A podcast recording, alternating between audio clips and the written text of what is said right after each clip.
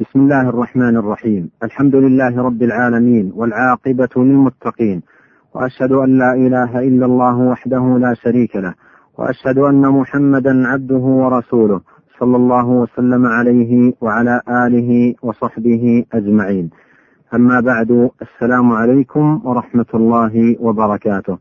معاشر المستمعين ومن أسماء الله الحسنى القريب المجيب. وقد جمع الله بين هذين الاسمين في قوله عز وجل وإلى ثمود أخاهم صالحا. قال يا قوم اعبدوا الله ما لكم من إله غيره هو أنشأكم من الأرض واستعمركم فيها فاستغفروه ثم توبوا إليه إن ربي قريب مجيب. ولم يرد المجيب في غير هذا الموضع. واما القريب فقد ورد في موضعين آخرين. هما قوله تعالى وإذا سألك عبادي عني فإني قريب أجيب دعوة الداع إذا دعان فليستجيبوا لي وليؤمنوا بي لعلهم يرشدون. وقوله تعالى قل إن ضللت فإنما أضل على نفسي وإن اهتديت فبما يوحي إلي ربي إنه سميع قريب. أيها الإخوة المستمعون وقرب الله عز وجل الذي تدل عليه هذه الآيات هو قرب خاص من العابدين المحبين والداعين المستجيبين. قرب لا يدرك له حقيقة وإنما تعلم آثاره من لطفه بهم وتوفيقه لهم وعنايته بهم ومن آثاره إجابته للداعين وإثابته للعابدين كما قال سبحانه وقال ربكم ادعوني أستجب لكم إن الذين يستكبرون عن عبادتي سيدخلون جهنم داخلين وقد ثبت في السنة أحاديث عديدة تدل على قرب الله عز وجل من عباده المؤمنين وأوليائه المتقين.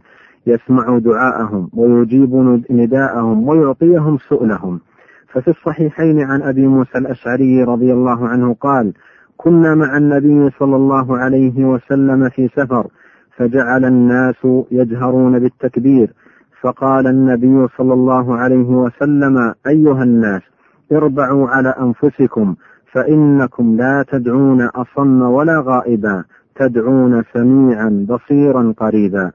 وفي الصحيحين عن أبي هريرة رضي الله عنه عن النبي صلى الله عليه وسلم قال يقول الله تعالى من تقرب إلي شبرا تقربت إليه ذراعا ومن تقرب إلي ذراعا تقربت إليه باعا ومن أتاني يمشي أتيته هرولة.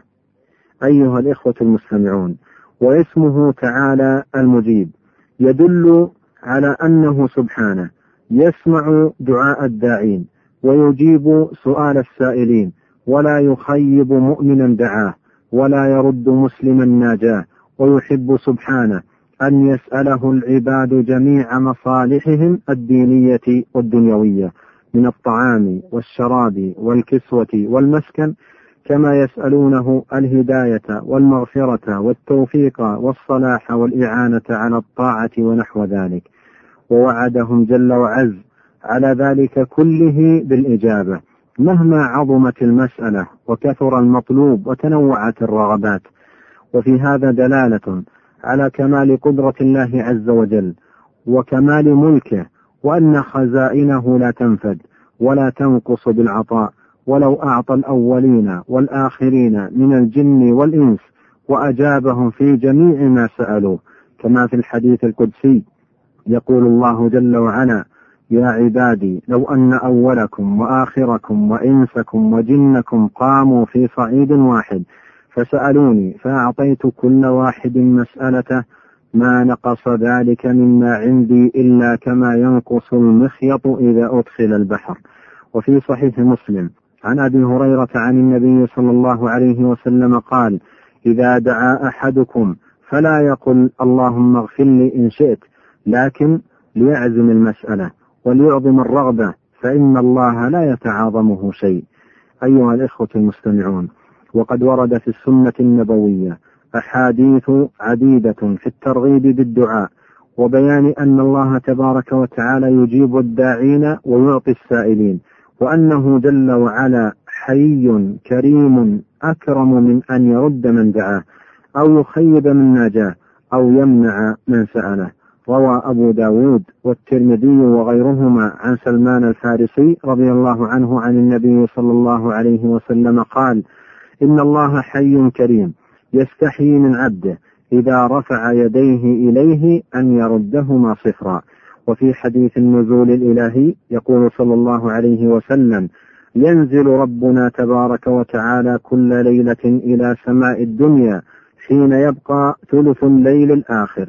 فيقول من يدعوني فأستجيب له. من يسألني فأعطيه. من يستغفرني فأغفر له. هو حديث متواتر رواه عن النبي صلى الله عليه وسلم جمع من الصحابة بلغ عددهم ثمانية وعشرين صحابيا. وجاء في الحديث القدسي في بيان منزلة أولياء الله المتقين أن الله تبارك وتعالى يقول من عادى لي وليا فقد آذنته بالحرب وما تقرب إلي عبدي بشيء أحب إلي مما افترضته عليه وما يزال عبدي يتقرب إلي بالنوافل حتى أحبه فإذا أحببته كنت سمعه الذي يسمع به وبصره الذي يبصر به ويده التي يبطش بها ورجله التي يمشي بها وإن سألني لأعطينه ولئن استعاذ بي لأعيذنه رواه البخاري في صحيحه فهذه النصوص وما في معناها أيها الإخوة المستمعون تدل دلالة بينة أن الله تبارك وتعالى لا يرد من سأله من عباده المؤمنين ولا يخيب من رجاه لكن قد يستشكل في هذا أن جماعة من العباد والصلحاء قد دعوا وبالغوا ولم يجابوا والجواب أن الإجابة تتنوع فتارة يقع المطلوب بعينه على الفور. وتارة يقع ولكن يتأخر الحكمة وتارة تقع الإجابة ولكن بغير عين المطلوب حيث لا يكون في المطلوب مصلحة ناجزة وفي الواقع مصلحة ناجزة أو أصلح منها. وقد تدخر له أجرا ومثوبة يوم القيامة. روى الإمام أحمد والبخاري في الأدب المفرد والحاكم وغيرهم عن أبي سعيد الخدري رضي الله عنه. أن النبي صلى الله عليه وسلم قال ما من مسلم يدعو بدعوة ليس فيها إثم ولا قطيعة رحم إلا أعطاه الله بها إحدى ثلاث.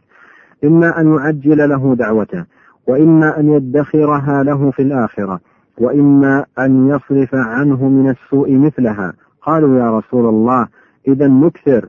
قال الله أكثر.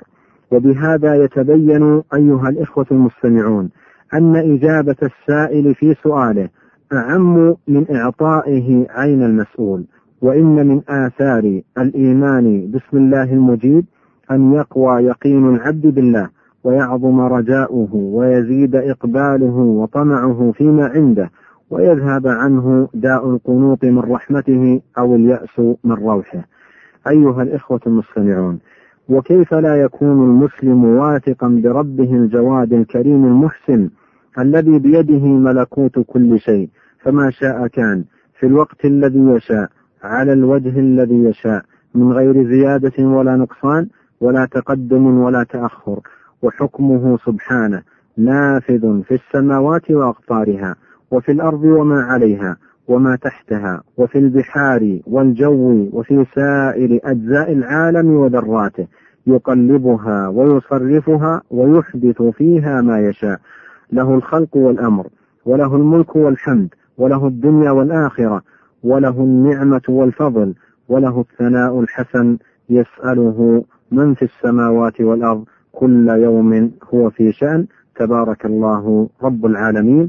وبهذا تنتهي أيها الإخوة المستمعون هذه الحلقة وإلى الملتقى على خير إن شاء الله في حلقة قادمة. أستودعكم الله والسلام عليكم ورحمة الله وبركاته.